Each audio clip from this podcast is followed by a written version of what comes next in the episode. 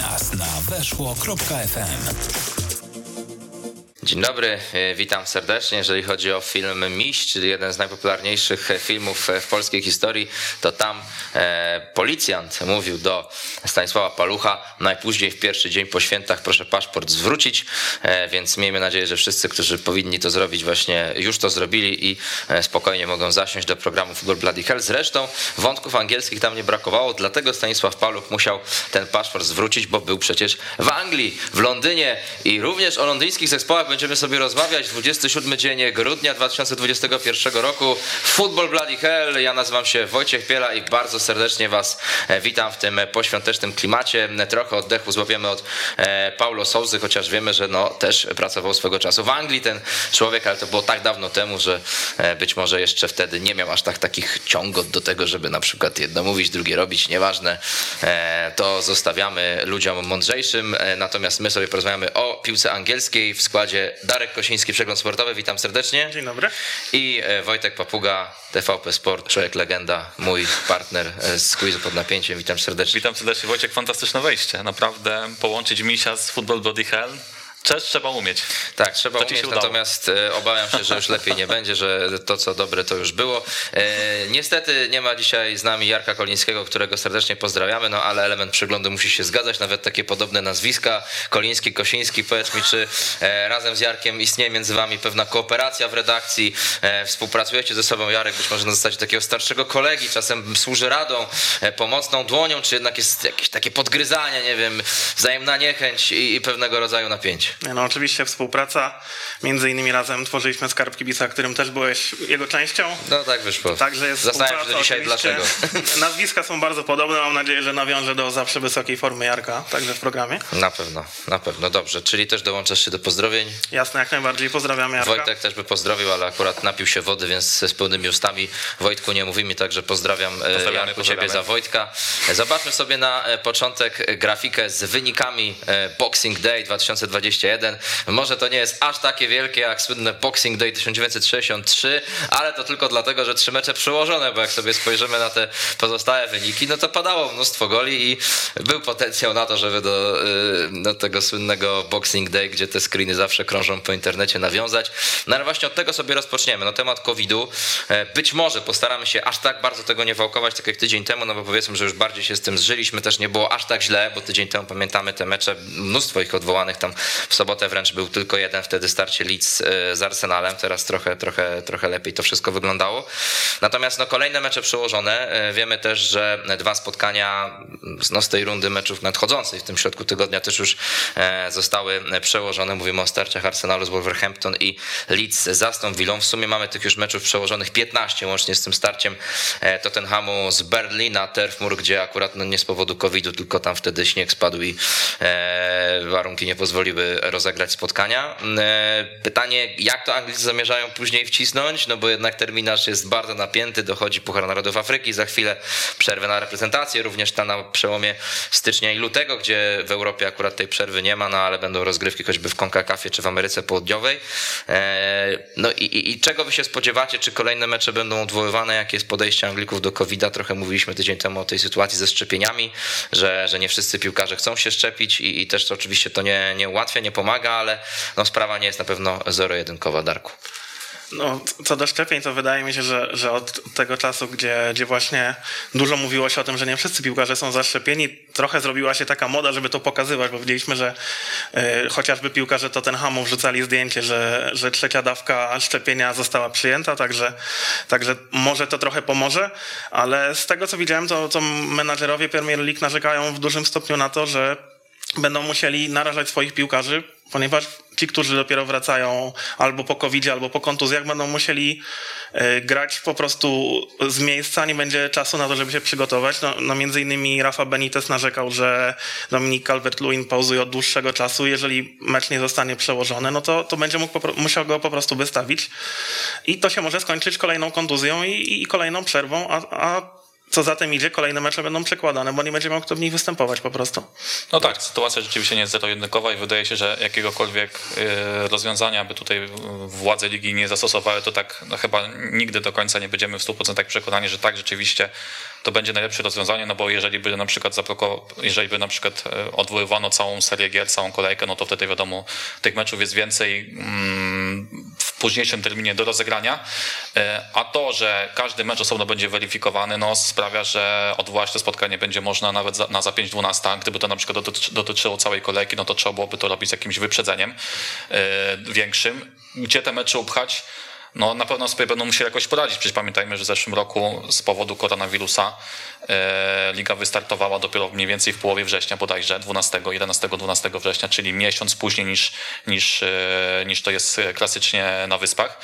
E, także tutaj oni trochę już wiedzą też, jak się, z czym się to je, mają jakieś doświadczenie i tutaj e, no może nie będzie jakiegoś większego problemu. Mhm.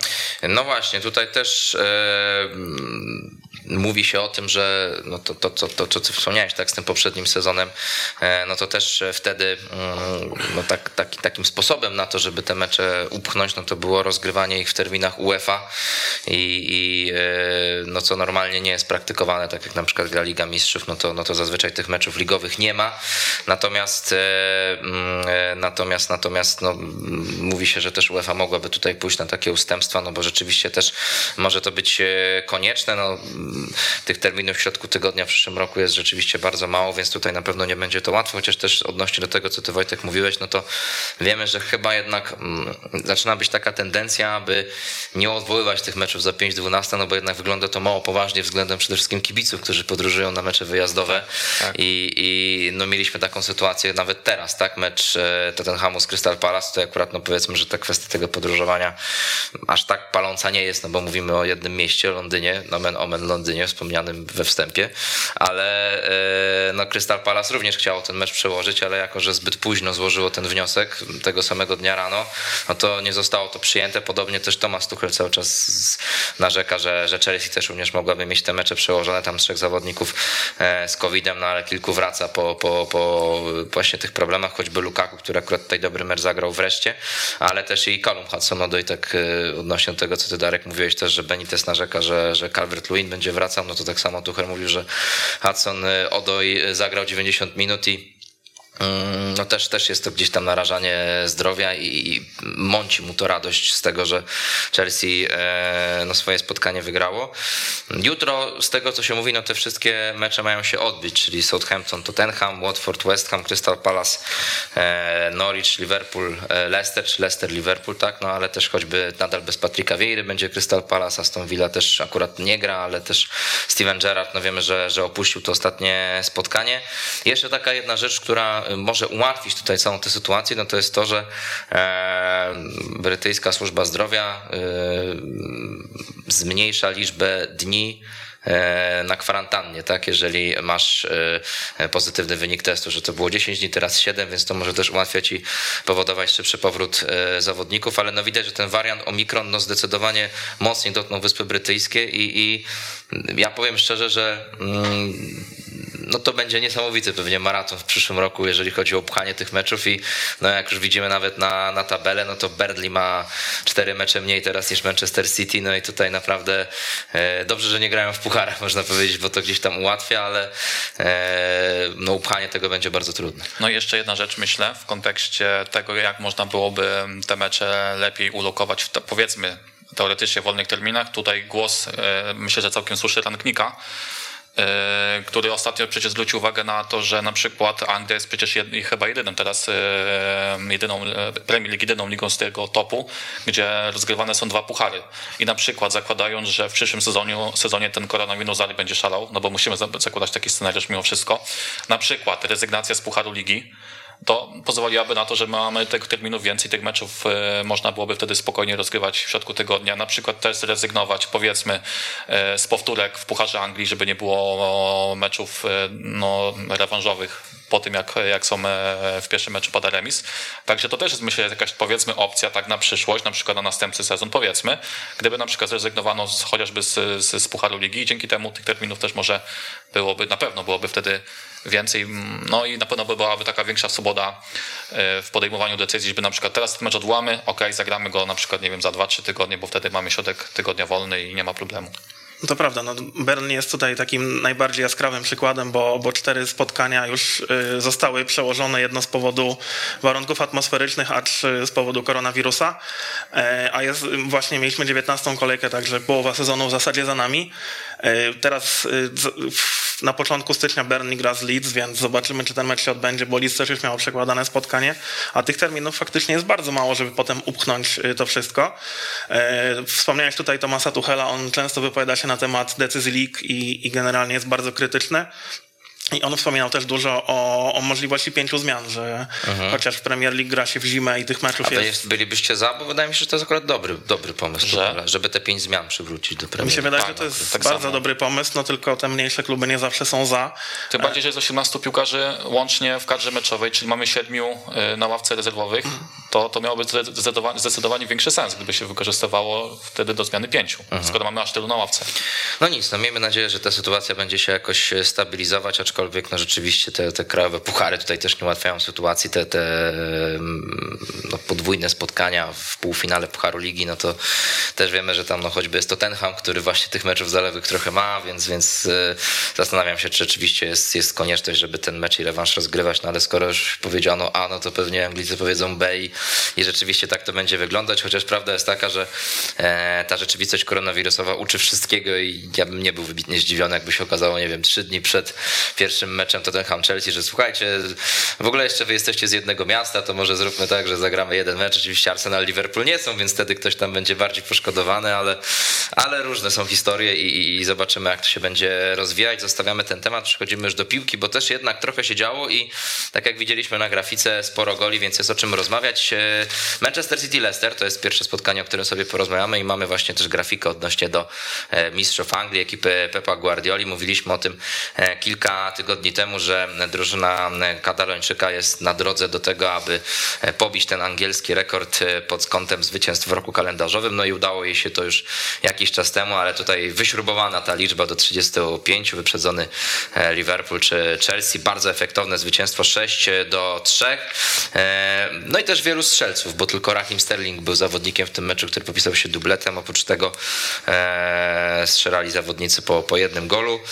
Mm, jak wam się to spotkanie podobało? No bo na początku mieliśmy no, prawdziwą wichurę ze strony The Citizens, nie minęło 25 minut, mieliśmy już 4 do 0, ale na początku drugiej połowy drużyna Rogersa bardzo osłabiona, o czym też sobie będziemy rozmawiać, podjęła jednak rękawice, nastraszyła drużynę City i ostatecznie jednak przegrała 3 do 6. Mi się podobało to, jak Manchester City zareagował na, na stratę tych trzech bramek, bo w momencie, kiedy prowadzisz 4-0, a Rahim Sterling po meczu mówił, że Pep Guardiola E, uczulał swoich piłkarzy, że, że to jest taki wynik, który, przy którym trzeba po prostu zabić mecz, strzelić piątą bramkę i myśleć już o kolejnym spotkaniu, e, a, a stracili trzy bramki, przy czym tą trzecią po interwencji Edersona, po odbiciu się piłki od poprzeczki. I to mógł być taki moment, w którym Manchester City mógł się podłamać, uznać, że to w tym meczu nic nie wychodzi i, i była ta, był tam potencjał na to, że oni stracą punkty, ale zareagowali po, naprawdę po mistrzowsku. No i z pomocą przyszły tutaj też y, stałe fragmenty gry, które Leicester, po prostu nie potrafi bronić przy nich. Y, już 12 bramek w tym sezonie stracili właśnie po stałych fragmentach gry. No ale Alan Schiller jest, jest takim y, człowiekiem, który często podpowiada w mediach, jak oni powinni bronić tak naprawdę, bo e, pokazywał analizy taktyczne, co robią źle piłkarze Leicester, ale jak widać e, nie nauczyli się zbyt wiele, no i legenda Newcastle stwierdza, że oni nawet często nie wiedzą, gdzie jest piłka po dośrodkowaniach i, i, i zachowują się po prostu zupełnie bezsensownie. No tak, to jest takie City e, chyba w najlepszym wydaniu. Drużyna, do której się przyzwyczailiśmy pod, e, pod rządami Guardioli. Oni zazwyczaj, jeżeli notują serię wygranych, a to była dziewiąta z rzędu, no to przeważnie drużyny prowadzone przez Hiszpana potem kończą rozgrywki e, z mistrzostwem. Chyba tylko taki jeden sezon był w karierze Guardioli 2011-12, kiedy, kiedy prowadzona przez niego Barcelona grała dobrze, czy też bardzo dobrze w lidze, ale jednak znalazł się taki zespół, który, który, który, który ostatecznie wyprzedził ich na finiszu. Wtedy Barca miała ponad 90 punktów, ale i tak przegrała z Realem. No i teraz e, w tym meczu z Leicester rzeczywiście ekipa Rodgersa trochę napędziła strachu, no bo przy 0-4 mało kto się spodziewał, że tutaj może, może w ogóle dojść do głosu. Przecież no City no nie słynie z tego, że traci jakoś za wiele bramek na własnym stadionie, tym bardziej, żeby straciła 3 gole w 10 minut. Ale przypomnieli sobie liderzy, świetny Sterling, który wydawało się w pewnym momencie, że jest być może nawet jedną nogą poza klubem, a teraz w ostatnim czasie jest no, jednym z ważniejszych piłkarzy. Wynotowałem sobie, że chyba w ostatnich, tak, w ostatnich 10 meczach zaliczył, miał udział bezpośrednio przy 10 golach, 8 plus 2, tylko w dwóch meczach nie zaliczył e, gola bądź asysty. No i City w tej formie rzeczywiście tutaj no, będzie się na pewno biło do końca sezonu e, o majstra no, z Liverpoolem. Mhm. A w drugim zespole na pewno trzeba wyróżnić Jamesa Madisona, bo to w jakiej on jest formie ostatnio to jest niesamowite. E, w meczu z Manchesterem City w zasadzie miał udział przy wszystkich bramkach dla, dla swojej drużyny. E, i tam była taka sytuacja, że Ruben Diaz mógł go zatrzymać, ale wydawało się, że cofnął nogę i Pep Guardiola potem stwierdził, że następna żółta kartka powodowałaby to, że on pauzuje w kolejnym meczu, więc uznał, że może faktycznie lepiej nie, nie faulować, no ale po raz kolejny był nie nie do zatrzymania. Ja sobie wynotowałem, że w ostatnich ośmiu meczach to jest 6 goli i 5 asyst, więc na to, że Leicester nie punktuje tak regularnie, to, to jest naprawdę niesamowity wynik. A wiecie co, wydaje mi się a propos Leicester e, i jej też słabej grze, grze defensywnej. Oni stracili 33 gole, to jest prawie dwa gole na mecz, tylko trzy zespoły straciły więcej, nawet nie liczę Norwich i Newcastle, no bo to się chyba wydaje oczywiste. E, ale też myślę, że tutaj e, ta słaba dyspozycja też e, odzwierciedla sobą formę Schmeichela, bo wydaje mi się, że tak jak mówimy o Schmeichelu w perspektywie jednego z lepszych czy najlepszych bramkarzy Premier League ostatnich lat, tak wydaje mi się, że w tym sezonie jakoś nie robi specjalnie różnicy w zespole między słupkami, że to jest raczej taki bramkarz, który to, co ma obronić, to broni i to nie zawsze. To, co przepuści, to przepuści. Nie robi, takiej, nie robi takich interwencji na zasadzie w czasie meczu kluczowych, e, gdzie mógłby zespołowi e, pomóc zrobić wynik, czy też zremisować, czy wygrać. E, I tak trochę wydaje mi się, że właśnie mało się mówi o sobie formie Schmeichela, ale w tym sezonie właśnie wydaje mi się, że wyjątkowo Duńczyk powiedzmy względnie zawodzi. Mhm. No tak, natomiast Manchester City no, zwraca uwagę ta poprawa ofensywy w ostatnim czasie. Strzelili mnóstwo goli w trzech meczach, ostatnich 17 dokładnie, no i to też jest tak... 16 piłkarzy w Manchester City strzelało w tym sezonie, więc to jest liczba no naprawdę robiąca No właśnie i to też jakby jest taka odpowiedź trochę na, no na te problemy, którego, które swego czasu mieli, no i na te cały czas y, gdzieś myśli, czy oni sobie poradzą bez Aguero, bez takiej, no oczywiście Aguero w formie, tak, no bo wiemy, że już ten zeszły sezon też dla niego był trochę słabszy, no ale, ale no, mówiło się dużo o tym, że brakuje im takiej klasowej dziewiątki, rzeczywiście takie mecze nawet w tym sezonie choćby z PS rzeczy z Crystal Palace się zdarzały, kiedy to było widać, ale no ostatnio skuteczni są niesamowicie, no i oczywiście mnogość rozwiązań w ofensywie Guardioli robi wrażenie, chociaż jest trzech takich piłkarzy, którzy rzadko podlegają rotacji. E, mam na myśli mm, e, Rubena Diasza, Joao Cancelo i Rodrigo.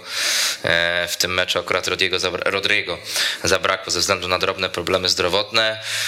Fernandinho mam wrażenie zagrał trochę słabiej, aczkolwiek oczywiście no też ładna asysta przy tym golu De Bruyne, który też no z dużą łatwością nawinął Westergarda przy golu już w piątej minucie na 1 do 0.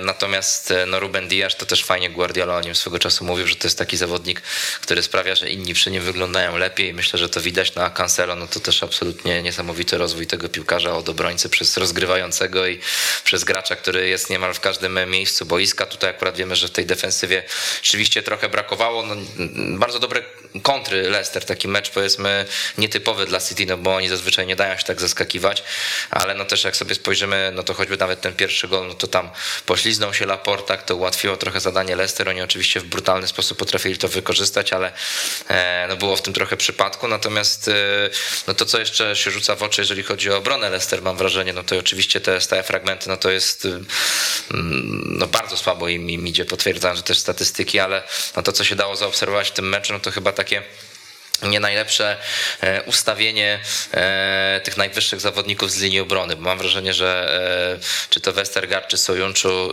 no stoją bardziej tak na linii szóstego metra, a ci zawodnicy tacy najwyżsi typu Laporte, Diaz z Manchesteru City, no to atakowali trochę bardziej z głębi pola, no i oni wtedy mają naturalną przewagę, no bo mogą naskoczyć na tę piłkę, wygrać ten pojedynek główkowy i stwarzać sytuację, a kryci byli w tych sytuacjach przez Chaudriego, Hamza Chaudry, taki zawodnik wiadomo, oczywiście charakter charakterystyczny z taką czupryną i przez Keleciego i Anacho, co wiemy, że też nie do końca się sprawdziło, więc może tutaj należałoby poszukać jakichś e, usprawnień, chociaż oczywiście na e, usprawiedliwienie dla Rogersa, no to mm, no fatalna sytuacja kadrowa. On sam mówi o tym, że to jest najtrudniejszy dla niego czas w karierze menedżerskiej, która no wiemy, że już trwa trochę lat, ponad dekadę. E, zgadzacie się z tymi słowami? Też macie wrażenie, że rzeczywiście mm, no, ma ciężko w tym momencie Brendan Rodgers? No rzeczywiście chyba to wydaje, wydaje się ten czas, okres Rogersa w Leicester. e, jest taki rzeczywiście najtrudniejszy. Ta sytuacja w tej chwili, e, no forma, cała okoliczność gdzieś tam myślę, że tak w punkt odzwierciedla ich e, też sytuację w tabeli. No i rzeczywiście te same błędy praktycznie w obronie przy straconych bramkach, zwłaszcza przy rzutach rocznych, bo jakbyśmy sobie popatrzyli na, na te gole, w jaki sposób Leicester traci właśnie po, po stałych fragmentach gry, po rzutach rocznych zwłaszcza, no to one są bliźniacze. Tam są te same praktycznie schematy, te same, te same błędy. E, no i rzeczywiście w tym sezonie Leicester to nie będzie takim już zespołem, przynajmniej na, na, na tę chwilę się wydaje, który łączy się na poważnie. No już nie mówię do walki o Ligę, o Ligę Mistrzów, ale tutaj rzeczywiście może być mega ciężko, żeby nawet, żeby nawet załapać się do tej pierwszej siódemki, czyli do, do ewentualnie do Ligi Konferencji. No w tym meczu z Manchesterem City to nawet gdy nie stracili bramki po stałym fragmencie gry, no to yy Tillemans faulował przeciwnika i był rzut karny, także faktycznie kiedy piłka jest dośrodkowana w ich pole karne, oni się zupełnie gubią, ale tak samo przy tej bramce De Bruyne to wyglądało, że on sobie przyjął piłkę w polu karnym, minęły niemalże dwie sekundy, a nikt nie ruszył się w jego stronę i on miał bardzo dużo czasu na to, żeby oddać strzał, a wiadomo, że piłkarz tak ułożoną nogą z 16 metra, no to musi po prostu trafić. Mhm. No to prawda, tak sobie wynotowałem kilka tych nazwisk zawodników, których brakuje, no to choćby y, no Wardi był ostatnio na ławce rezerwowych w tym meczu z City, ale nie wszedł i ma drobne problemy zdrowotne, Didi do tego Justin Fofana, no to oczywiście też znane tematy, Evans, e, Sojunczu, e, Daka, Barnes, no więc, więc no właściwie bez skrzydłowych teraz zostaje wyższy Ricardo Pereira w tygodniu e, no, kontuzjowany w tym meczu pucharowym e, z Liverpoolem, gdzie no, też to się ułożyło bardzo przykro dla drużyny Lisów, bo prowadzili 3 do 1 do przerwy, ostatecznie odpadli. Tam takie ostre wejście Tylera Mortona i wypada na, na dłuższy czas Ricardo Pereira, e, no co sprawia, że choćby Mark Albrighton musiał w tym meczu zagrać w obronie, no i, i, i też nie wyglądało to najlepiej, także mm, no, Rogers bardzo głośno narzeka na to, że jutro będą musieli się zmierzyć z Derec w lidze i trudno mu się dziwić, no bo na pewno ta sytuacja łatwa dla menedżera Lisów nie jest. Dobrze, zostawiamy ten temat, przechodzimy do kolejnego spotkania Aston Villa kontra Chelsea. Tak jak mówiliśmy, zabrakło e, Stevena Gerrarda na ławce rezerwowych De Villans, no i ekipa z Birmingham sobie nie poradziła. E, po raz kolejny w starciu z zespołem z top 3, że to jest taki no bardzo podobny schemat, te wszystkie trzy spotkania, gdzie mówimy o Aston Villa jako ekipie, która e, walczy, jest groźna, e, przeciwstawia się, tutaj nawet wyszli na prowadzenie przecież za sprawą samobójczego trafienia Risa Jamesa, ale jednak koniec końców zawsze czegoś brakuje, przegrywali mecze, przegrali mecz City 1 do 2, z Liverpoolem 0 do 1, tutaj 1 do 3, no wiemy, że ten gol na 3, na 3 do 1 też stracony w końcówce więc e, było blisko, żeby też przegrali jednym golem. Było to wszystko na styku, ale mm, no Chelsea tutaj bardzo ważne też mentalnie dla nich zwycięstwo na pewno w tej trudnej sytuacji, jaką przeżywają. Jak do tego podchodzić? Y, myślę, że w przypadku Aston Villa nie ma tutaj co, co bić na alarm, bo faktycznie jest to trzecia porażka y, za kadencji Stevena Gerrarda, ale za każdym razem jest to porażka właśnie z zespołami z top 3. A patrząc na to, że on jeszcze nie pracuje za zbyt długo w tym klubie, no to myślę, że te spotkania i tak nie wyglądały źle. No tutaj było trochę błędów indywidualnych, no bo Minks zupełnie odpuścił krycie Romelu Lukaku w polu karnym próbował go chyba trącić barkiem, ale to, ale to się nie udało. No, Mati Cash też nie popisał się i sprokurował rzut karny. Ale wydaje mi się, że, że tutaj to nie jest jakiś duży problem, bo Aston Villa punktuje i gra dobrze z tymi przeciwnikami albo na swoim poziomie, albo, albo słabszymi, więc e, to nie jest coś takiego, czym można byłoby się załamywać, a faktycznie dla Chelsea no to było bardzo ważne zwycięstwo, co też pokazywały reakcje piłkarzy po meczu. No, Romelu Lukaku wszedł z ławki i, i zrobił to tak naprawdę po co został sprowadzony na Stamford Bridge. E, szczególnie efektowna była ta akcja, w której wywalczył rzut karny i, i, i, sam mówił, że to jest jego ulubiona akcja, gdzie może się rozpędzić, może powalczyć e, bark w bark z przeciwnikiem. No i wykonał robotę świetnie. No tak, tutaj Aston Villa rzeczywiście no, musiała brać pod e, uwagę to, że może przegrać z Chelsea, natomiast też wydawało się, że to jest może dobry moment dla niej, żeby Chelsea tutaj e, na Chelsea zdobyć punkty, bo Chelsea w ostatnim czasie jednak specjalnie no, w lidze no dużo, seryjnie traciła punkty. Dużo goli tracą też, tak? No tak jak mówiliśmy zawsze o tej solidnej defensywie, no to tutaj 10 meczów ligowych, tylko tak. 3 czyste konta, więc no trochę słabo tutaj też nie udało się go ostatecznie no tak, oni tak. stracili łącznie 13 bramek e, do tej pory, a w ostatnich 6 meczach to jest 8 bramek i tylko bezbramkowy remis z Wolverhampton, tylko tam było czyste konto, także faktycznie w ostatnim czasie jest to problem. Tak, no Aston Villa też będąc na fali, można powiedzieć, po, po przyjściu Gerarda, tym bardziej myślę, że gdzieś tam liczyła na to, że rzeczywiście z Chelsea może zdobyć, zdobyć punkty, ale wydaje mi się, że ze wszystkich meczów e, Aston Villa e, pod wodzą właśnie byłego piłkarza Liverpoolu, temu chyba taki najbardziej, bym powiedział, jeżeli chodzi przynajmniej o grę ofensywną, Aston Villa bezzemny, bo oni tak na dobrą sprawę w tym meczu nie stworzyli sobie większego zagrożenia. Do momentu bramki samobójcze Jamesa może tam była jakaś jedna sytuacja pod bramką Mendiego, a w drugiej połowie, kiedy strzelił na 2 do 1 Lukaku, no i wiadomo, że no niby wynik na styku i tutaj tylko jedna bramka do odrobienia, to wydaje się, że Chelsea miała to spotkanie pod kontrolą. E, no i w pełni zasłużone zwycięstwo. Rzeczywiście to zwycięstwo dla Chelsea też w takim stylu było bardzo potrzebne ekipie Tuchela. Ten mecz też był bardzo potrzebny, myślę, jeżeli mówimy personalnie, mamy wskazać na jakieś osoby, to na pewno dla Lukaku. Też się przełamał w lidze. Ostatnio strzelił gola w Premier League, co ciekawe właśnie Aston Villa, kiedy grali jeszcze na Stamford Bridge. E, no i to był taki Lukaku w niektórych swoich zachowaniach, bardzo podobny Lukaku, stary, dobry Lukaku do tego z Interu, jak chociażby bramka rzut karny wywalczony na 3 do 1, kiedy pędzi z piłką przez pół boiska i wygrywa tą walkę fizyczną z przeciwnikiem w sytuacji, kiedy przeciwnik to początkowo jest w sytuacji lepszej, bo jest powiedzmy bliżej piłki, a jednak on dziś wykorzystuje te swoje parametry, tą, tą, tą swoją fizyczność. E, no i dzięki takim sytuacjom Chelsea zdobywa później bramki. Tam Matt Target chyba go próbował nawet za koszulkę ściągać tak. do ziemi, ale po prostu nie, potem, nie, był w stanie. No to prawda. E, dosyć brutalnie potraktowany przez Belga zawodnik Aston Villa, ale... Jeszcze jedną, mhm. taką ciekawą statystykę. Aston Villa ma duże problemy, jeżeli chodzi o zdobywanie punktów w meczach, których strzela jako pierwsza. Ona w tym roku kalendarzowym miała 7 takich meczów ligowych, w których strzelała jako pierwsza, kończyła bez jakiejkolwiek zdobyczy punktowej, wyrównała rekord dwóch innych zespołów. I tutaj też myślę, jest jakiś problem, na, problem, na który musi też zwrócić Gerard, że, że Aston Villa w momencie, kiedy obejmuje prowadzenie, no nie potrafi dotrzymać dobrego wyniku do końca.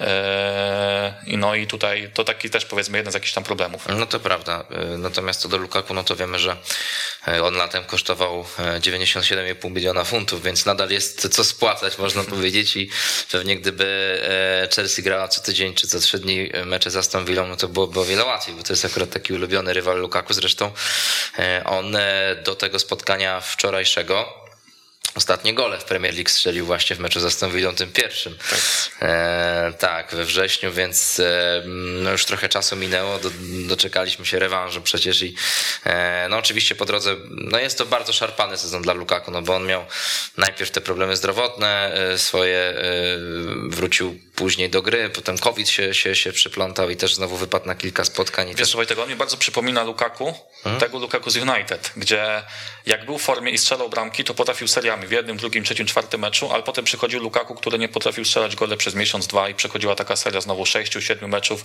gdzie, gdzie nie strzelał gole, gdzie były te sytuacje, gdzie miał te sytuacje, gdzie były to sytuacje nawet często stuprocentowe, jak nie wykorzystywał. I trochę taki to jest ten Lukaku, wydaje mi się, wiadomo, że też te problemy zdrowotne i tak dalej na pewno w tym wszystkim nie pomagały, ale patrząc stricte na dyspozycję taką e, sportową, piłkarską na boisku, no to on mi bardzo właśnie przypomina tego Lukaku z czasów e, Mourinho, gdzie właśnie potrafił seriami grać dobrze, strzelać bramki, a potem przychodziły serie meczów, takich też meczów powiedzmy zespołami stopu, no gdzie Lukaku, gdzie Lukaku po prostu tych bramek nie strzelał. Mhm. No, trzeba dodać, że e, znowu się tutaj Tomasz Tuchel wahał nad tym, czy go wpuścić w przerwie, bo e, no nie do końca nadal był pewny jego tych możliwości zdrowotnych, fizycznych. Pamiętamy te historie E, z meczu z West Hamem na początku też miesiąca, jak przecież West Ham wygrywał wtedy 3-2, no i e, Lukaku po wejściu na boisku zaprezentował się kiepsko. No, to była rzeczywiście kluczowa zmiana, mimo tego, że on nie miał zbyt wiele kontaktów z piłką, nie miał wiele podań, ale jednak samą swoją obecnością no, wywarł dużą presję na Minksie i, i na Konsie. E, jeszcze zwłaszcza w ogóle w kontraście do Pulisicza, prawda, który jednak no, jest zawodnikiem dosyć wątłym, kruchym, mikrem, takim bardziej kieszonkowym bym powiedział, który też oczywiście ma swoje atuty, choćby jeżeli chodzi o dynamikę czy, czy, czy dribbling momentami, ale no jednak e, łatwiej sobie radzili z nim, e, kiedy grał jako ten no, grot formacji ofensywnej obrońcy Willi, kiedy wszedł Lukaku, już tak dobrze nie było. No a co do Willi, no to wiemy, że Gerardowi e, mocno pewnie zależało tutaj na zwycięstwie, no bo zawsze te mecze z Chelsea od 2014 roku, no to mają dla niego dosyć szczególny wymiar, no ale tutaj nie mógł się pojawić przy ławce. Zastąpili go Gary McAllister i Michael Bill. No nie wyszło, ale teraz ten mecz następny, teraz mają tę przerwę ze względu na COVID w ekipie Leeds, no i będą grali w niedzielę z Brentford, no to już jest taki mecz, w którym będą pewnie celowali w zwycięstwo, jednak mimo, że na wyjeździe, no to do tej pory no w meczach z tego typu drużynami za Gerarda się udawało, więc wydaje się, że też mogą być tutaj faworytem. Zobaczymy, jak to się wszystko ułoży. Przechodzimy do kolejnego meczu, do meczu polskiego. West Ham kontra Southampton, zwycięstwo świętych, no skoro Boxing Day i taki dzień, prawda, związany ze świętami Bożego Narodzenia, no to trudno się dziwić, że święci świętowali, ale no oczywiście patrząc na e, pozycję w tabeli, na formę obu drużyn, no mówimy o zaskoczeniu, na pewno delikatnym przynajmniej. 3 e, do 2 zwycięstwo ekipy Ralfa Hasenhitla po trafieniach Elionusiego, Warda Brausa, który znowu skutecznie wykonał rzut karny po raz kolejny w swojej karierze i co nas bardzo cieszy, Jana Bednarka, który też e, bardzo dobrze zgubił krycie Isy Diopa. Widać, że e, no w defensywie, kiedy nie ma Ogbonny, nie ma Zumy, nie ma Creswella, no to West Ham ma problemy i ta para Craig Dawson, Issa Diop, no nie dojeżdża czasami poziomy, ma właściwie nawet częściej niż czasami. Jakie macie wrażenie? No, Proszę, Proszę bardzo, Wojtku. Proszę, Wojtku. Historyczny gol Bednarka. Wiecie dlaczego? Dogonił Klicha, tak? Dogonił Klicha, ale pierwszy raz, kiedy Bednarek strzela gola, Southampton wygrywa mecz w Premier League, także zawsze coś za piątym podejście się udało. Ostatnio był remis. Ostatnio był remis, teraz zwycięstwo. Tak, i pierwszy gol Bednarka też poza, poza domem. No i gol, który bezpośrednio w, wpływał na trzy punkty dla, dla zespołu. No a West Ham w ostatnim czasie spora zadyszka. W ostatnich siedmiu meczach ligowych e, pięć punktów. E, no i jeszcze, kiedy dwa miesiące temu mówiliśmy o największej rewelacji tego sezonu, którą być może West Ham cały czas jeszcze jest mimo wszystko i gdzieś tam patrzyliśmy w kontekście tego, że oni rzeczywiście mogą powalczyć w Ligę Mistrzów, tak wydaje się teraz, chociaż mamy dopiero połowę sezonu, ale wydaje się, że raczej nie będzie to zespół, który będzie na tyle konsekwentny w zdobywaniu punktów, e, żeby tutaj włączyć się o walkę do top 4. Nie pomaga też no, chociażby na przykład to, że oni, no, nie ma tam piłkarzy, którzy by potrafili wejść z ławki rezerwowych i zrobić, e, decydować o losach meczu, zrobić różnicę, zrobić różnicę na zasadzie, kiedy drużyna przegrywa, traci, mm, kiedy musi gonić wynik. E, no i ta porażka Southampton mimo wszystko, mimo tej słabszej dyspozycji ostatnio, no jest jednak niespodzianką, no bo Southampton z kolei też miał serię meczów bez, bez zwycięstwa. No i tutaj dla zespołu Moisa ta wygrana z Southampton była obowiązkiem, skończyło się na trzech straconych golach i porażce. Mi się bardzo podobało zachowanie Jana Bednarca, Bednarka po tej bramce, bo w tym meczu Southampton trzy razy wychodziło na prowadzenie właśnie za jego sprawą trzeci raz i, i po tej bramce kiedy koledzy podbiegli cieszyć się razem z nim, on w zasadzie każdemu z nich powiedział jakieś słowo, zmotywował wszystkich i wyglądał jak, jak taki lider drużyny. I to naprawdę, naprawdę wyglądało e, ciekawie, ale fakt, no West Ham bez, bez trzech e, podstawowych obrońców nie wygląda tak dobrze. E, i ta zapaść jest spora, to Michał Antonio mówił po meczu, że ostatnie tygodnie są trudne dla West Hamu, bo po pierwsze nie są przyzwyczajeni do gry na kilku frontach, po drugie mówił, że, że tutaj mentalnie trochę nie dojeżdżają, mówiąc kolokwialnie, kolokwialnie, Aha. bo faktycznie wygląda to tak, że, że coś tu nie gra. No Mois powiedział, że, że nie było takiego momentu, w którym on czuł jakąkolwiek kontrolę w tym spotkaniu. No tak, no to na pewno to jest zastanawiające. Natomiast też e, jak sobie spojrzymy na West Ham, no to jest kilka takich, e, czy większość oczywiście jest e, dobrych punktów, jakbyśmy sobie tak podsumowali ten rok 2021 w wykonaniu West Hamu, no to choćby nawet na przykładzie tego meczu Jarrod Bowen, który bardzo fajną asystę dał i, i no, znalazł się na radarze Gareta Southgate'a i wydaje się, że jeżeli dostanie w najbliższym czasie powołanie, no to nie będziemy absolutnie tym faktem zszokowani, skoro choćby no Conor Gallagher czy Aaron Ramsdale, takie powołania, no Ramsdale nawet zresztą wcześniej na Euro, tak, ale też wiemy, że Ramsdale zadebiutował niedawno w kadrze, Gallagher też występował, no to dlaczego nie Jarrod Bowen? E, do tego też mamy dobry rok West Ham pod kątem jednak tych meczów u siebie, no bo wygrali aż 14 spotkań, więc no to jest dosyć dużo. Akurat w tym sezonie też mm, sporo przegrali, bo, bo, bo choćby z Manchesterem United sobie przypominamy, no i teraz ten mecz z Southampton też był mecz z Dynamem, z Zagrzeb w Lidze Europy.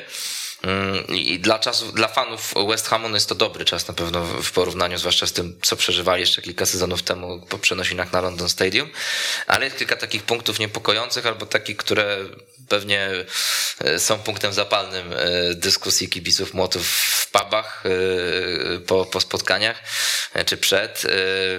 No choćby jednym z nich jest na pewno postawa takiego gracza jak Artur Masuaku. Ja mam wrażenie, że to jest cały czas niezdefiniowany gracz, bliżej jednak określenia go jako nie do końca udana kariera w West Hamie, no bo on od, występuje od 2015 już, 2015 roku już, dosyć długo. Mm, no i tutaj jednak widać, że E, nie jest to dla niego też najlepszy okres ostatnio. E, nie po raz pierwszy strzelił tego gola, owszem, z Chelsea. Specjalista od strzałów z dystansu ostatnio. Tak, tak. No gol z Chelsea taki rzeczywiście wystrzałowy i, i, i niecodzienny, który na pewno długo fani Młotów zapamiętają, ale no jednak w tym meczu e, znowu nie za bardzo dał radę. Też w środku tygodnia, kiedy West Ham odpadł z Tottenhamem w Pukarze Ligi, no to nie wyglądał zbyt dobrze. Na pewno nie powiemy, że jest konkurencją jakąś wielką dla Arona Cresswella. Kiedy brakuje Cresswella, no to widzimy, że to jest jednak niższy poziom Masłaku i, i też no, kibice zastanawiają się, czy nie powinien tam grać nawet Ben Johnson, tak? czyli, czyli też no, taki młodszy zawodnik, który też w tym sezonie się parę razy pokazywał, głównie z kolei na prawej stronie tam Czofala zastępował, ale też wiążą z nim fani Młotów duże nadzieje.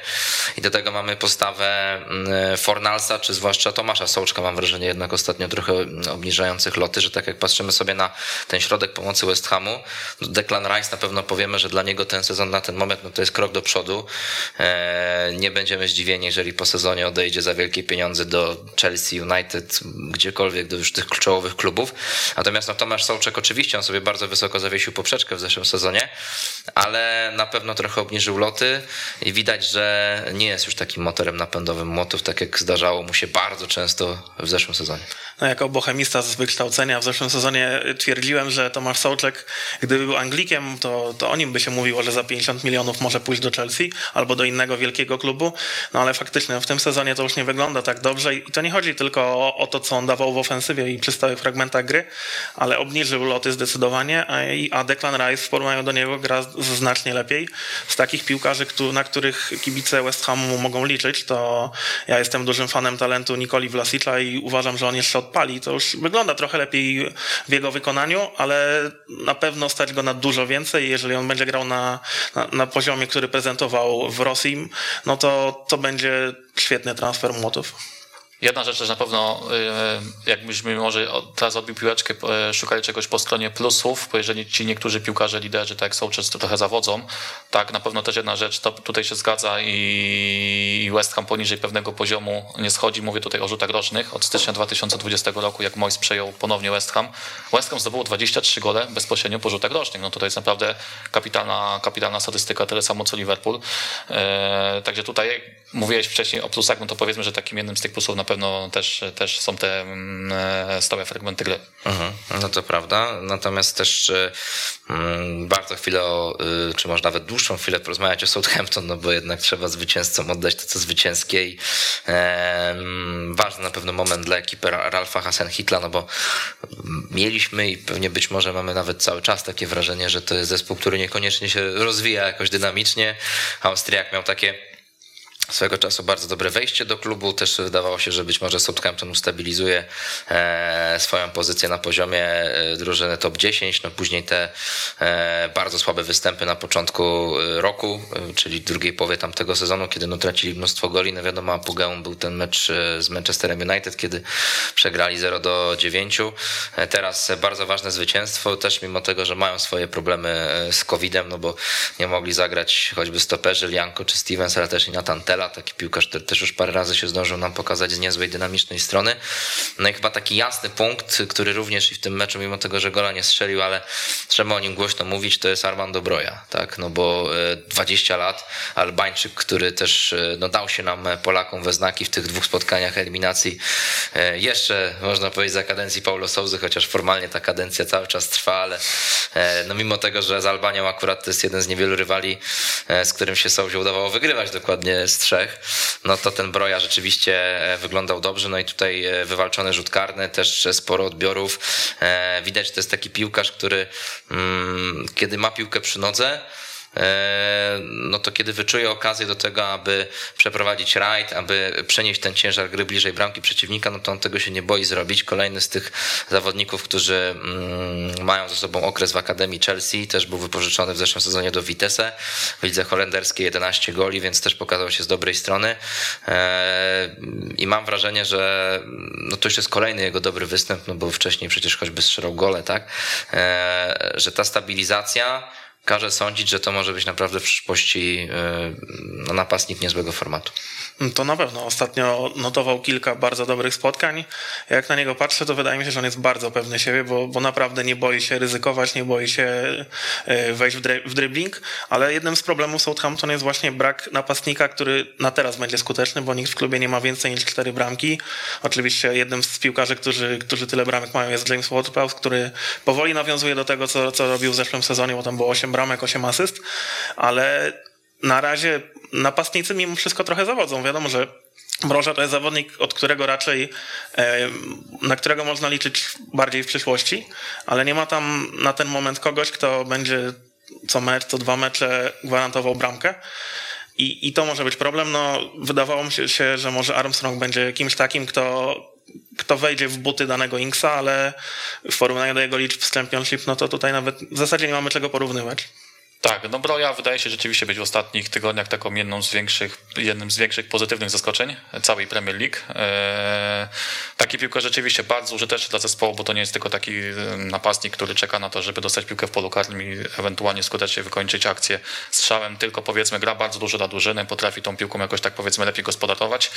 To raz, dwa natomiast no jednak tutaj kluczowa postać, czyli Ward Prowse w takim meczu jak z West Hamem, no miał bezpośrednie wpływy na gole, na, na, na to, że też wpisywał się na listę rzeczy, czy też asystował, ale no słaba przede wszystkim cały czas ta jednak obrona, bo Southampton jak ogląda się te mecze świętej, to takie odnosi się wrażenie, że naprawdę to jest taki zespół, któremu no nie jest sztuką strzelić gola, że to jest taki zespół, gdzie, gdzie, gdzie naprawdę tutaj dużej jakiejś filozofii nie trzeba, żeby zaskoczyć defensywę ekipę Hasenhytla i, i wpakować jedną, drugą, trzecią bramkę. Mhm, no właśnie, mówisz o defensywie, no to tak zamykając temat tego meczu, jak wy oceniacie, mm, myślę, że ten gol Bednarka to jest dobra okazja, żeby o nim trochę szerzej pomówić sezon w wykonaniu e, Raczej taka stabilizacja na pewnym poziomie, czy trochę się obawiacie momentami o Polaka, czy, czy, czy wręcz przeciwnie, no bo jednak tutaj mm, no bardzo ważna bramka i też widać, że no cały czas ma to zaufanie Hasenhitla, mimo też tych problemów na początku sezonu, gdzie wiemy, że parę meczów nie grał.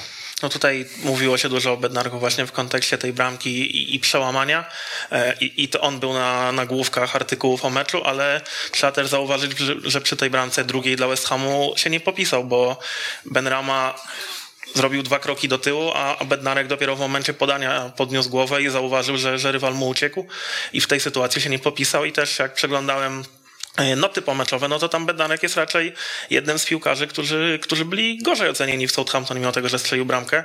E, stabilizacja jest na pewno. Myślę, że o, na razie no, na pewno nie, nie, nie, musi się martwić o miejsce w składzie, tym bardziej, że przy tytulu kontuzjach i covid no, na, tak naprawdę nie mogło kto zastąpić, ale myślę, że to, że to nie jest zły sezon w wykonaniu Polaka, ale na pewno stać go na więcej. Tak, no sezon solidny, e, no nie wydaje się, żeby tutaj jakoś e, Bednarek, e, jeżeli mówimy że jednak ten sezon jest całkiem, całkiem przyzwoity tutaj, żeby miał jakąś ustabilizowaną formę. Natomiast no też wydaje się, że na, ten, na tym etapie mogliśmy spodziewać się już po Bednarku trochę więcej. E, patrząc chociażby trochę wstecz i kiedy Southampton na przykład miał taki okres chociażby na początku bodajże zeszłego sezonu, tak, kiedy oni po jednej z kolejek byli liderami Premier League i... Stop the count wtedy. Dokładnie. Wrzucili na swojego Twittera te, tego, to zdjęcie tej tabeli, kiedy byli liderem i stop the count. To nawet chyba nie było po całej kolejce, tylko po konkretnie po, po którymś tak, dniu. Tak, to, tak, był, tak, to był chyba na piątek kolejki. i potem potem dopiero tak, jeszcze tak. mecze weekend. I wtedy też przecież Bednarek był jednym z takich wyróżniających się piłkarzy. Był takim powiedzmy trochę w swoim prime, chociaż liczymy i wierzymy, że ten prime jeszcze taki większy nastąpi. Także na ten, na ten moment moglibyśmy się spodziewać, że po Bednarku trochę więcej.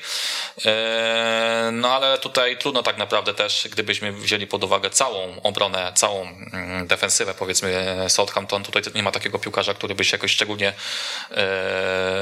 wyróżniał. Mhm. No to prawda, chociaż no wiemy ile robi tak naprawdę dobra postawa na e, turnieju ekipy, czy też e, różne zawirowania menedżerskie, no bo nie powiedzielibyśmy, że w czasach gry w Southampton Janik Westergaard był jakoś specjalnie lepszym graczem od Bednarka, no ale koniec końców trafił, zrobił krok do przodu, poszedł do Leicester i no widzimy, że też to Leicester nie najlepiej na tym wychodzi, no bo, no bo forma Duńczyka jest daleka od wystrzałowej, no ale koniec końców kontrakt podpisany i, i tak to się wszystko stało. No pamiętam oczywiście półfinał Duńczyków na Euro, Polska osiągnęła nieco mniej. E, natomiast jeszcze taka jedna rzecz mi się nasunęła już tak zupełnie na koniec tego meczu, że e, co do West Hamu jeszcze tak, że mówimy tutaj o tych problemach w defensywie, no to być może lekarstwem będzie transfer Jamesa Tarkowskiego, no bo znowu ten temat wraca. E, latem bardzo mocno David Moyes chciał sięgnąć po zawodnika z polskimi korzeniami grającego w Berli. Jemu się kończy kontrakt po tym sezonie, więc też może być trochę łatwiej, żeby go wyjąć, aczkolwiek no, żeby mm, doprowadzić do takiej sytuacji, że on przyjdzie do West Hamu zimą, a, a nie po sezonie, po prostu kiedy mu umowa wygaśnie, no to potrzebne by było jednak, żeby zapłacić około 7 milionów funtów. No, nie są być może przesadnie wielkie pieniądze, ale no West Ham trochę by musiał tam wysupłać i też pewnie porywalizować, no bo choćby Newcastle mówiło się sporo o tym, że też swego czasu interesowali się Tarkowskim. Jak będzie, przekonamy się w najbliższych tygodniach, natomiast mówimy sobie o Burnley, no to warto przejść do meczu dwóch innych drużyn, też na B.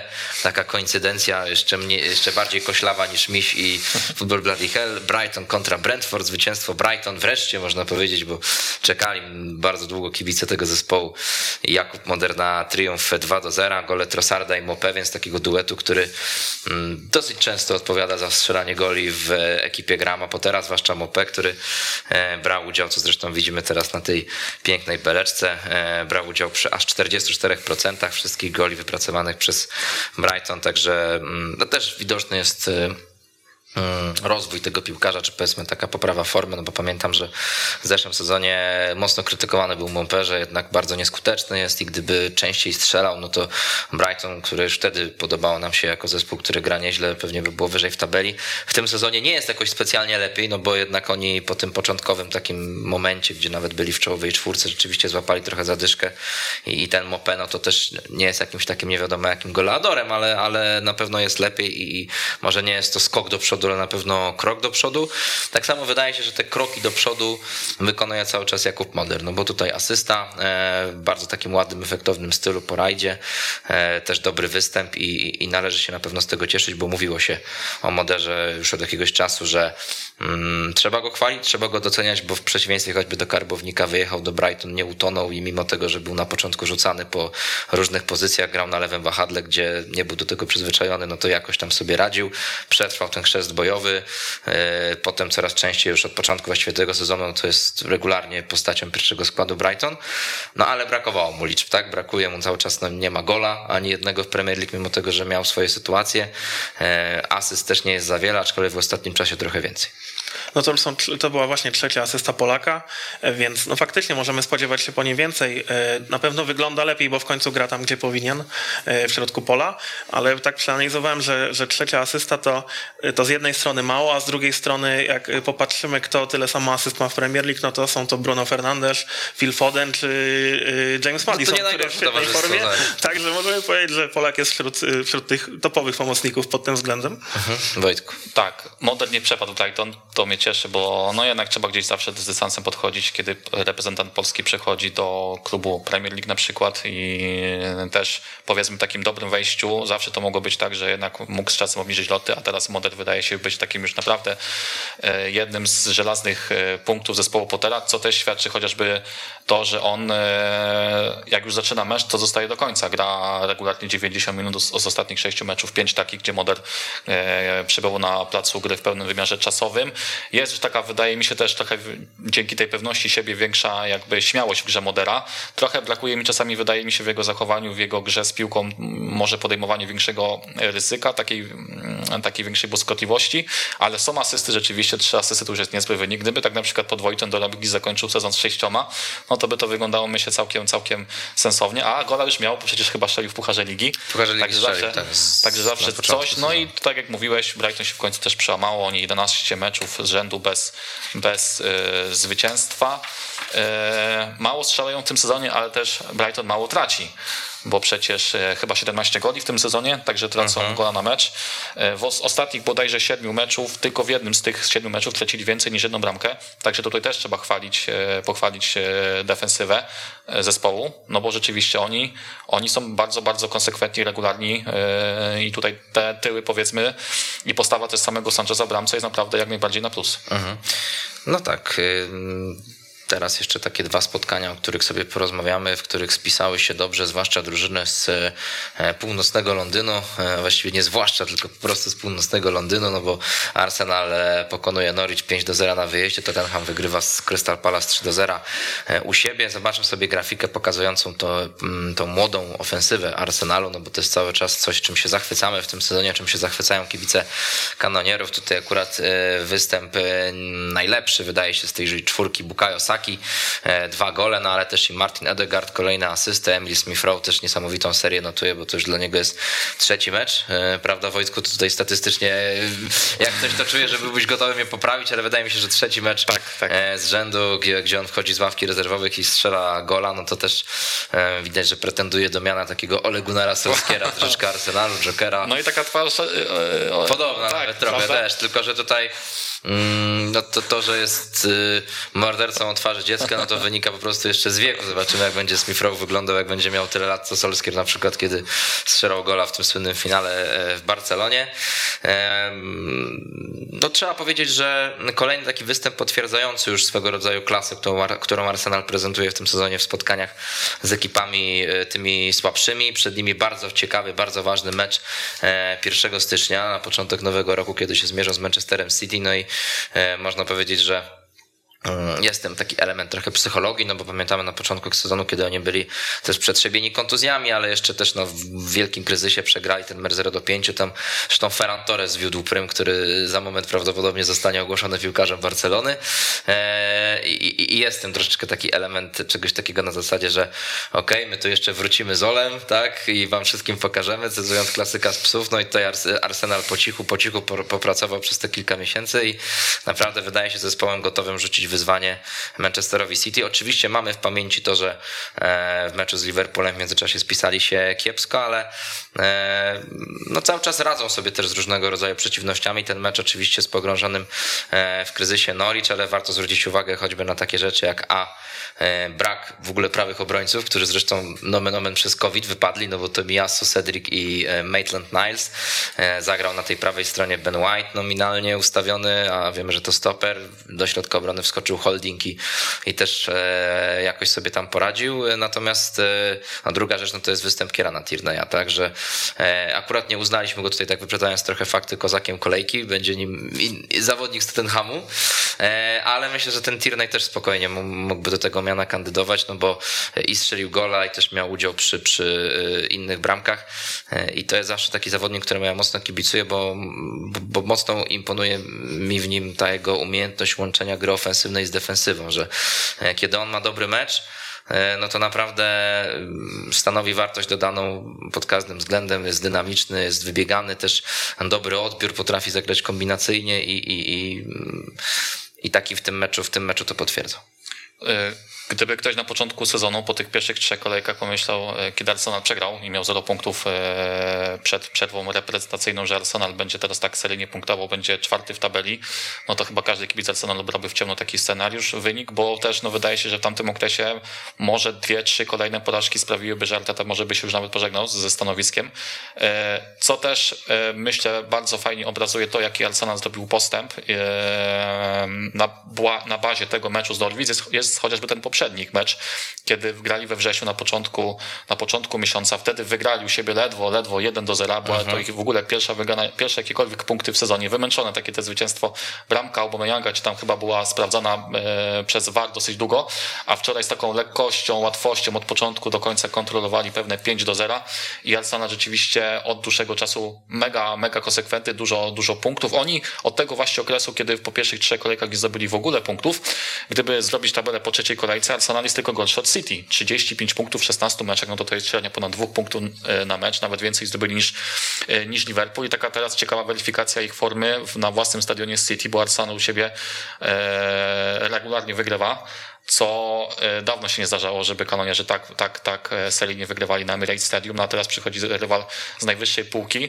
Rzeczywiście Kieran Tierney, świetny wczoraj mecz z, z, z Norwich. W ogóle też myślę, że w końcu Arteta chyba ma taką ustabilizowaną i pewną czwórkę obrońców, bo on jednak trochę, wiadomo, że były różne tego przyczyny, ale często ta obrona wygląda personalnie z, z, różnie, a teraz wydaje się, że ta żelazna czwórka raczej jest. Jak wróci to Miyasu, to wiadomo, że w miejsce holdinga wtedy wraca e, White.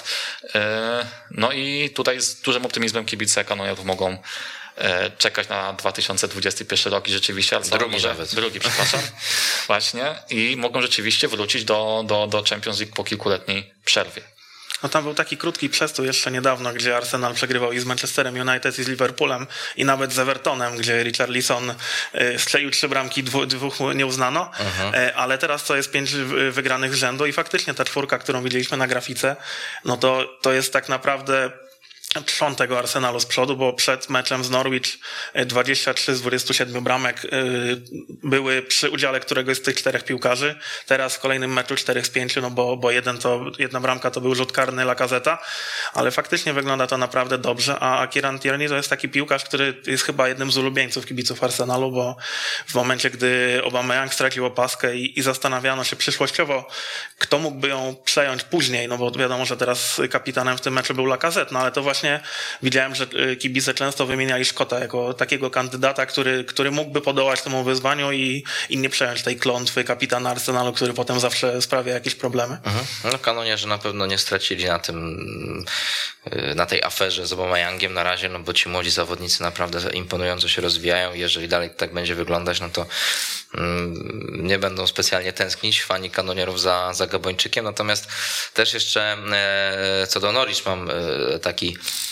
przykry trochę wniosek mam, e, mam wrażenie, no bo oczywiście no, samo spojrzenie na tabelę jest, jest przykre dla drużyny Norwich, też statystyki ich nie ratują, cztery mecze ostatnie przegrane. E, wiemy, że Przemysław Pocheta w tym spotkaniu zagrał, wyszedł w pierwszym składzie, ale e, no zbyt wiele sobie nie, nie pograł, zresztą jak cała ofensywa Norwich, no mecz, który Arsenal tak naprawdę nie za bardzo się spocił, a i tak wygrał 5 do 0, więc no to jest, to jest niesamowite. Statystyka bodaj expected goals na poziomie 0,18, no to to mówi tutaj wszystko, ale oczywiście też mieli problemy e, zdrowotne, mieli problemy covidowe, no bo zabrakło choćby Handleja, Rashicy, e, Zimmermana, e, Normana, no to są zawodnicy wszyscy, którzy pewnie by zagrali, gdyby mogli, ale akurat Norwich no jest gdzieś taka filozofia, żeby nie szukać tych wymówek. Stewart Weber, czyli dyrektor sportowy, sam miał przed tym meczem doglądać tej sytuacji covidowej, czyli gdzieś tam pilnować piłkarzy, rozmawiać z nimi, żeby, żeby się pilnowali i, i, i żeby nie dochodziły jakieś kolejne nieobecności, że potem nie można było wyjść i powiedzieć, że no tak, mamy nieobecności, dlatego przegrywamy, ale też fakty są takie, że jak sobie spojrzymy na ten skład, y, który pojawił się w tym meczu wystawionym przez Dina Smitha, no to dużo jest takich zawodników, którzy albo przyszli przed tym sezonem, albo przed poprzednimi, czyli tak naprawdę no, są nowi, mają jakoś gwarantować rozwój drużyny, no bo siłą rzeczy, jak sprowadzasz zawodników, no to oczekujesz od nich, że będą lepsi niż ci poprzedni.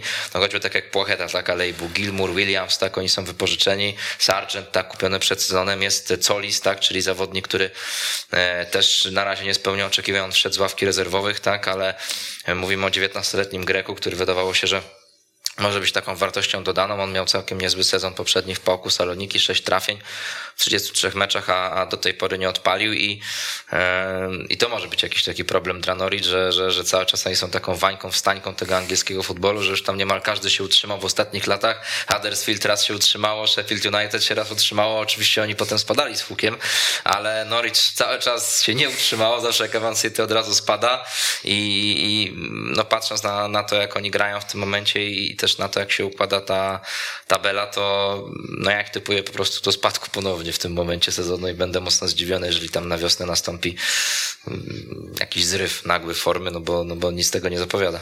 Tak, ja od początku kibicowałem mocno Norwich, w ostatnim czasie tym bardziej, że zaczął grać w pierwszym składzie regularnie Pocheta, ale ten mecz wczorajszy z Arsenalem jakoś tak chyba porzuciłem wiarę w to, że rzeczywiście zespół Smitha może w tym sezonie E, z powodzeniem walczyć o utrzymanie, bo myślę, że ten występ, ten wynik był takim chyba idealnym odzwierciedleniem całej jej postawy w tym sezonie, no i tego, że nie bez przyczyny są na ostatnim miejscu w tabeli. Tak jak mówiłeś, no Arsenal praktycznie naprawdę wiele nie zrobił, zwłaszcza w tej pierwszej połowie, żeby prowadzić 2 do 0. To były przecież dwie proste, łatwe akcje zakończone bramkami e, Saki i Tierney'a.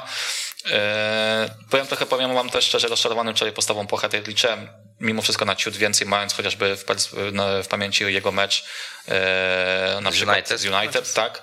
A wczoraj taki był Płacheta, mm, myślę w wielu momentach nieporadny, ale też taki, że kiedy był na, z piłką na połowie przeciwnika i kiedy działał pod presją, no to dokonywał złych rozwiązań, ale też myślę, że to też no, nie była aż tak do końca jego wina, bo dużo było takich sytuacji, wydaje mi znaczy dużo, względnie dużo sytuacji Norwich, że w sytuacji, kiedy oni na przykład przejmowali piłkę i próbowali zbudować jakąś, jakąś kontrę, czy generalnie atak pozycyjny na połowie Arsenalu, to często bywało tak, że któryś z piłkarzy Norwich miał tą piłkę przy nodze i tak na dobrą sprawę nie miał komu zagrać, bo miał przed sobą 4, 5, 6 piłkarzy Arsenalu, a wokół piłkarzy Norwich no nie było generalnie. Często było tak, że biegnie, bieg jeden, drugi i na 30-40 mecz od bramki musiał się w zasadzie zatrzymywać i szukać gdzieś kolegów po boku, czy też ewentualnie zagrywać do tyłu. Także no dzisiaj Norwich rzeczywiście wydaje się być takim no po prostu najpoważniejszym kandydatem do spadku. No złośliwie o, o Płachecie można by powiedzieć, że najbardziej aktywny był w momencie, kiedy miał lekkie spięcie z Benem White'em, ale to, to nie wynika z tego, że, że Polak jest w złej formie, tylko z, z olbrzymiego problemu Norwich w ofensywie jednak, no bo Dean Smith zaczął y, pracę w Norwich od wygranej 2-1 Southampton, a potem to są dwa remisy, trzy porażki i tylko jedna bramka, łącznie osiem w Premier League, no to jest wynik bardzo słaby. Z tego pięć bramek strzelił Timo Pukki. Widzieliśmy, że jest jednym z tych piłkarzy, który największy wpływ ma na, na ofensywę swojej drużyny. Największy nawet. A, no największy faktycznie, no ale jest tutaj problem, tak jak mówisz, to, to wyglądało tak, że, że oni trochę nie wiedzieli, co zrobić z piłką, kiedy są na połowie Arsenalu. Wiadomo, że tam szybko stracili i bramki, ale w ofensywie w ogóle nie, nie pokazali tak naprawdę niczego, no bo nie było tam zbyt wielu szans na to, żeby strzelić bramkę. I, i, I też byłbym w wielkim szoku, gdyby Norwich się utrzymało. Jeżeli nie będzie tam jakichś większych transferów, a raczej się nie zapowiadają, no to to wszystko wskazuje na to, że, że znowu spadną z ligi. Mhm, mhm. no, być może takie lekkie pocieszenie dla nich stanowi fakt, że jutro zagrają z innym zespołem, który jest poobijany i COVID-em i, i, i po ostatniej kolejce, czyli e, Crystal Palace. E, co prawda wyjazd ich czeka, no ale co zrobić? Ostatnie trzy mecze grali u siebie i dostawali w czapkę, więc no może na wyjeździe się uda, chociaż to też marna nadzieja, bo tylko jeden mecz wygrali w tym sezonie na wyjeździe wyjeździe w lidze Kanarki, wygrały Kanarki, co zresztą ten pożegnalny mecz Daniela Farkę wtedy z Brentford 2 do 1.